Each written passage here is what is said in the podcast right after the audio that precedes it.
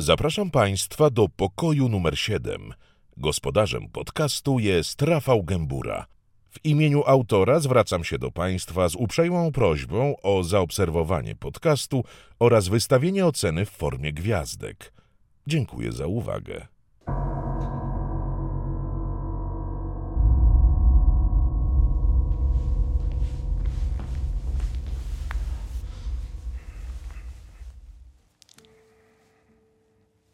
Mam na imię Michał, mam 22 lata, pochodzę z miejscowości pod Katowicami.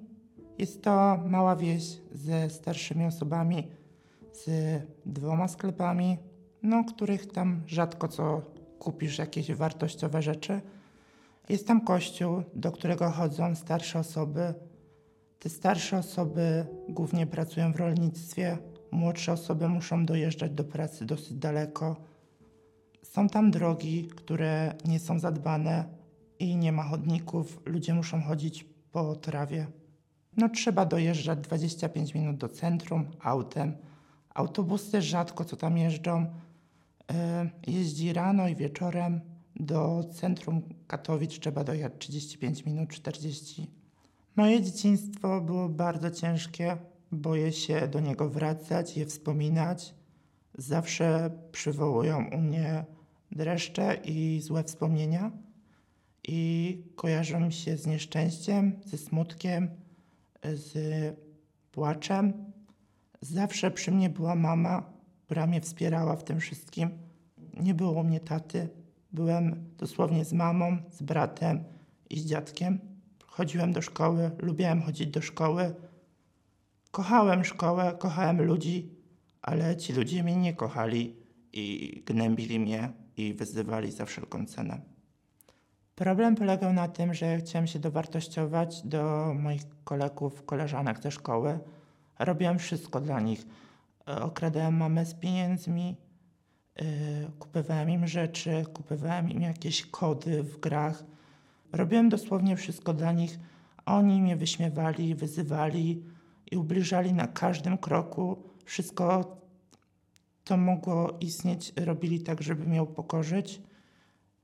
A ja tego nie widziałem. Ja widziałem tylko to, żeby im pomagać, żeby, żeby mieć przyjaciół, żeby móc z kimś pogadać, uśmiechnąć się, iść na spacer, pograć w piłkę, iść na plac zabaw. Chciałem się po prostu bawić, ale nie mogłem.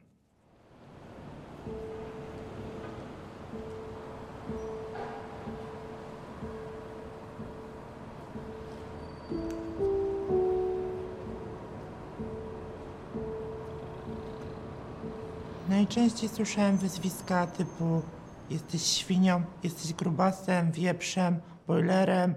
I to nie były tylko wyzwiska, to były też czyny.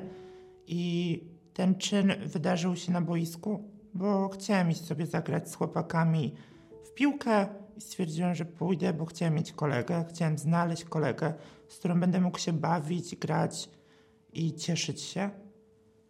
I poszedłem na to boisko i na początku było fajnie, wydawało mi się, że jest fajnie, ale oni mieli super fans, żeby się nabijać ze mnie i wyśmiewać. I zaczęliśmy grać w piłkę. Oczywiście poszedłem na bramkę i zaczęli we mnie rzucać tą piłką. I miałem mnóstwo siniaków. Nie zwracali na to uwagi, że żeby szczelić obok, szczelić we mnie, w pysk, w twarz, brzuch. I ja stwierdziłem, że już nie chcę grać w tą piłkę, że, że chcę wracać do domu. I oni zaczęli mieć nową zabawę. Nowa zabawa była, polegała na tym, żeby mnie pobić. I znaleźli sobie kolegę, który z przyjemnością to zrobił. Z satysfakcją y, zaczął mnie wyzywać, pluć na mnie, drwić ze mnie, aż w końcu doszło do czynów. Uderzył mnie w twarz Miałem siniaki, leżałem na tym boisku, oni się śmiali. Zadzwoniłem po brata, ale jak brat przyjechał, to wszyscy zniknęli i zostałem tam sam. Czułem się fatalnie, to wszystko było we mnie i nie mówiłem tego mamie, bo nie chciałem po prostu, żeby przychodziła do szkoły, żeby z nimi roz rozmawiała i żeby oni widzieli, że o, przychodzi mama Michała, oj, będą się ze mnie nabijać. Nie chciałem tego. Zostawiałem to w sobie, Przychodziłem do łóżka, płakałem, nie wiedziałem co ze sobą robić.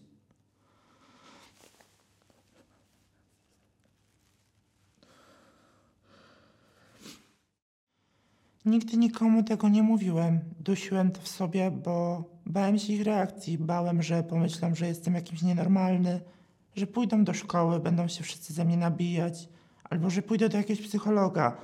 Więc po prostu się bałem, trzymałem to w sobie i jakoś tak mi leciał czas. Pamiętam jedną z lekcji, gdzie nauczycielka jednocześnie była moją wychowawczynią i przygotowałem się na tą lekcję, uczyłem się cały wieczór z mamą i byłem tak szczęśliwy, że umiem, że chcę się zgłosić. Gdzie już dochodziło do tego momentu, gdzie była ta lekcja, to zgłaszałem już rękę i wszyscy zaczęli ze mnie się wyśmiewać, wyzywać mnie od grubasa, od świni. Czemu on się w ogóle zgłasza? Czemu on w ogóle podnosi rękę? Czemu ten grubas? No i oczywiście inna dziewczyna się zgłosiła, inna dziewczyna dostała piątkę. Wszyscy się cieszyli, a ja byłem w tym sam. I nauczycielka miała to gdzieś. Patrzała się z miną obietności i zawsze tak to się kończyło.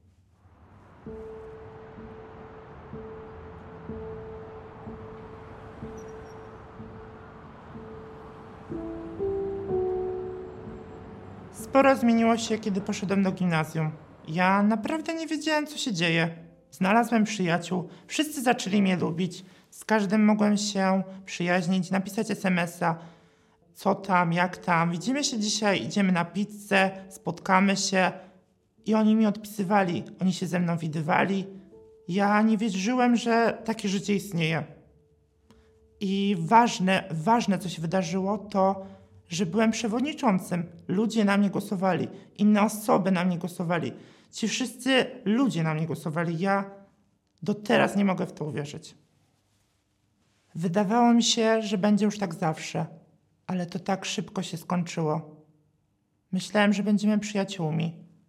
I moja przyjaciółka miała problem z chłopakiem. Naprawdę kłócili się, była zazdrosna siedzieliśmy u niej w domu i stwierdziła, że włamie się na, jej kont, na jego konto na Facebooku. Zaczęła z nim, zaczęła czytać te wszystkie wiadomości, robić screeny, przesyłać sobie to wszystko na swoje konto. Ja jej mówiłem, przestań, nie rób tego, czemu to robisz? Ona, weź coś tam, trzeba sprawdzić, trzeba sobie wysłać, tak jest w związku. Ja mówiłem, no dobra, okej. Okay.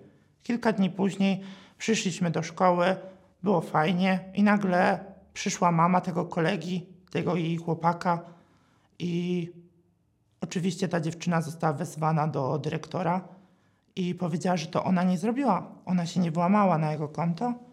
Kilka godzin później przyszła i się zapytała, czy, czy powiem, czy powiem, że ja to zrobiłem. Oczywiście, stwierdziłem, to jest moja przyjaciółka, zrobię dla niej wszystko, poświęcę się. Boże, będziemy przyjaciółmi do końca życia, będziemy się przyjaźnić, no to czemu ja mam jej nie pomóc? Ona mi też przecież pomoże. Stwierdziłem, że powiem, no, że ja to zrobiłem. Kiedy wziąłem winę na siebie, wszyscy się ode mnie odwrócili. Ja nie wiedziałem, co się dzieje. Miałem przyjaciół, mogłem z nimi rozmawiać, a nagle ich nie mam. I to wszystko wróciło jak dawniej. Wszyscy zaczęli ze mnie drwić, wyzywać. Przyjaciółka, ta moja przyjaciółka, za którą wziąłem odpowiedzialność, odwróciła się ode mnie. Ja nie wiedziałem, co się dzieje. Byłem na nowo sam. Ale najgorsza sytuacja była z moim kuzynem, gdzie szedłem przez korytarz i inni koledzy, którzy się ze mnie wyśmiewali, pytali się go, to jest twój kuzyn? Oni, nie, to nie jest mój kuzyn, to jest jakiś grubas. Zaczęli się wszyscy na nowo ze mnie wyśmiewać. I to był mój w sumie najgorszy moment, bo myślałem, że on będzie przy mnie. Czułem się jak gówno. Totalnie nie wiedziałem, co ze sobą robić. Byłem w tym sam i naprawdę to był moment, gdzie chciałem się zajebać, zabić. I nie wiedziałem, co robić ze sobą.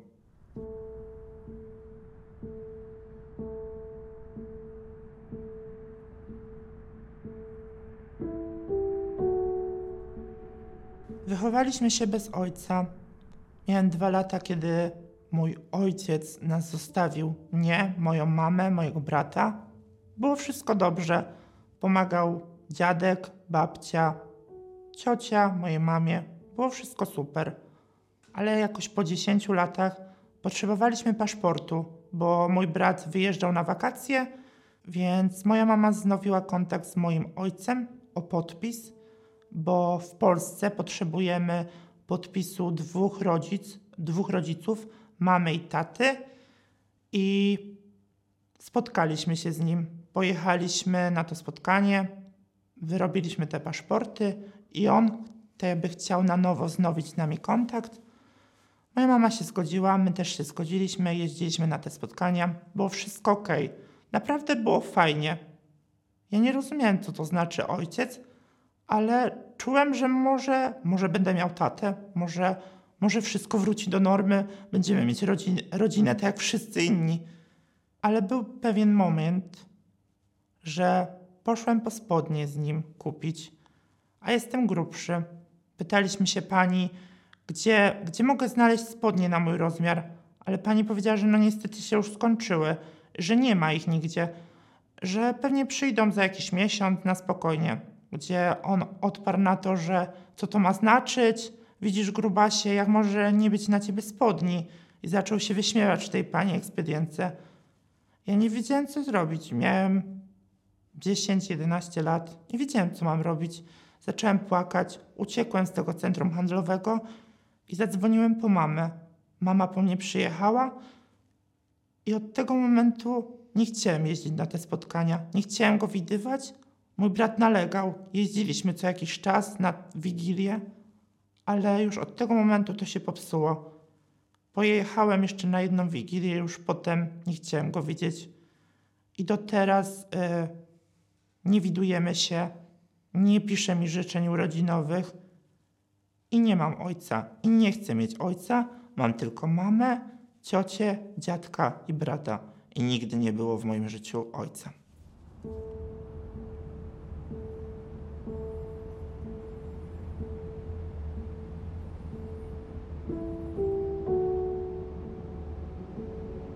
Pomimo tych trudnych sytuacji, wyzwisk i ubliżania mi, nie poddałem się. Chodziłem do szkoły, bo dla mnie najważniejsza była edukacja, dla mojej rodziny. Może nie miałem dobrych ocen, ale chciałem się uczyć, chciałem, chciałem chodzić do tej szkoły i mieć jakieś, jakąś wiedzę. Kiedy skończyłem gimnazjum, wybrałem technikum, które jest bardzo daleko oddalone od mojej wsi. Stwierdziłem, że zacznę nowe życie, wybiorę nową szkołę, nowych ludzi, poznam nowe osoby. Nie wadziło mi to, że będę jechał 50 minut czy tam godzinę trzema autobusami. Nie ma sprawy. Stwierdziłem, nie, mamo, na spokojnie będę jeździł tym autobusem, będzie ok, będziesz mnie czasami podwoziła na przystanek, albo sam będę szedł tam kilometr dalej, bo nie podjeżdżał ten autobus pode mnie, pod mój dom. I stwierdziłem, że będzie dobrze, ale okazało się inaczej. Znowu wyśmiewali się ze mnie, że jestem otyły, że jestem gruby. To było naprawdę straszne. Nawet nauczyciel od WF-u. Może nie mówił tego słowami, ale sprawiał pozory i pokazywał tak jakby innym, że jestem tym gorszym, że jestem tym grubszym, że nie mam tyle siły co oni, że oni są tacy wysportowani, że oni umieją zrobić takie ćwiczenie, że oni przebiegną tyle, a ja, że nie przebiegnę, bo jestem tłusty, bo się spocę, nie odbiję tak piłki. I to mnie najbardziej bolało. Pamiętam, że przed lekcjami WF-u bałem się rozebrać, ściągnąć koszulkę przy tych wszystkich umięśnionych facetach, gdzie ja nie miałem włosów na klacie, byłem gruby, nie miałem tych super perfum co oni, że, że po prostu bałem się przy nich przebierać i to mnie najbardziej bolało jak oni wychodzili z szatni, to ja wchodziłem do kabiny w toalecie i przebierałem się. I zawsze się spóźniałem na listę obecności, bo bałem się przy nich przebierać.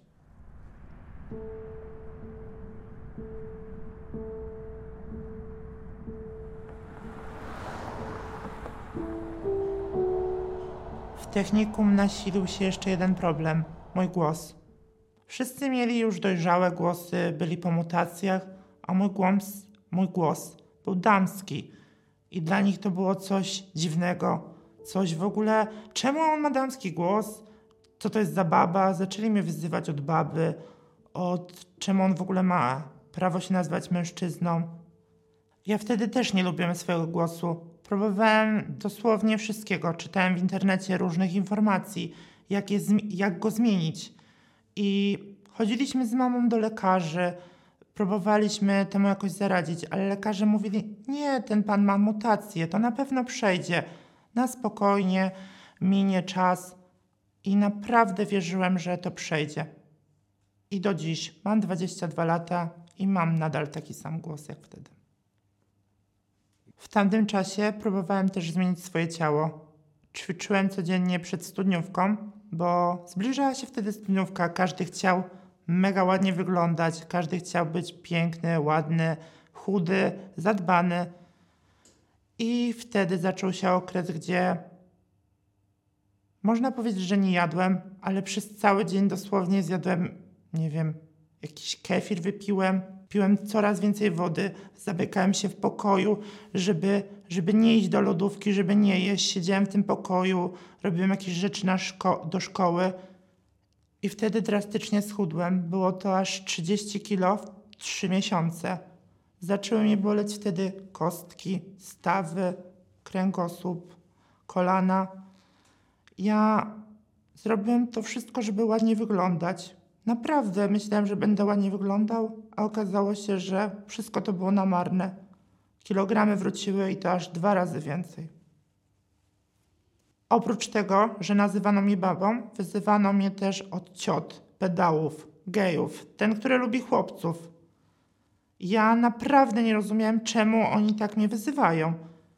I to było naprawdę wulgarne i bardzo homofobiczne, a ja wtedy nie wiedziałem, co się dzieje. Nie wiedziałem, czy lubię chłopców, czy dziewczyny. Naprawdę nie wiedziałem, co ja mam wtedy robić. Chciałem pomyśleć na spokojnie, iść na jakąś randkę, ale dziewczyny nie traktowały mnie poważnie. One traktowały mnie jako kolegę, nie traktowały mnie poważnie do jakiegoś związku, myślenia, że jestem jakimś mężczyzną. Nikt mnie nie traktował poważnie, a ja chciałem wtedy na spokojnie sobie przetrawić to, czy lubię dziewczynę, czy chłopaków. I do dzisiaj nie wiem. I myślę sobie, że przyjdzie ten czas, że się kiedyś dowiem i na spokojnie będę wiedział i będę szczęśliwy.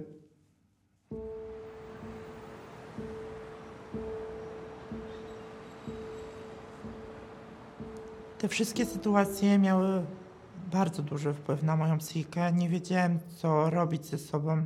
Ledwo co radziłem sobie i próbowałem sobie jakoś pomóc. Ale była pewna sytuacja. Pamiętam to jak za mgłą, że wybiegłem z domu, nie wiedziałem co się dzieje i nagle znalazłem się na moście i przyjaciółka trzymała, chyciła mnie za rękę wraz z moją mamą w ostatnim momencie, kiedy miałem skakać. I naprawdę nie umiem sobie tego wyobrazić, że mogłoby mnie teraz tutaj nie być. Że, ona, że, one były, że one mi pomogły przeżyć, że jestem tutaj, że żyję.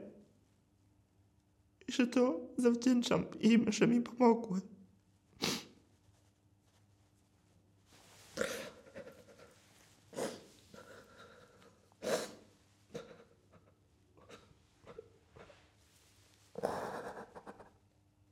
Bo to było tak, że to był ciężki dzień i moja przyjaciółka już wiedziała, że jest coś nie halo.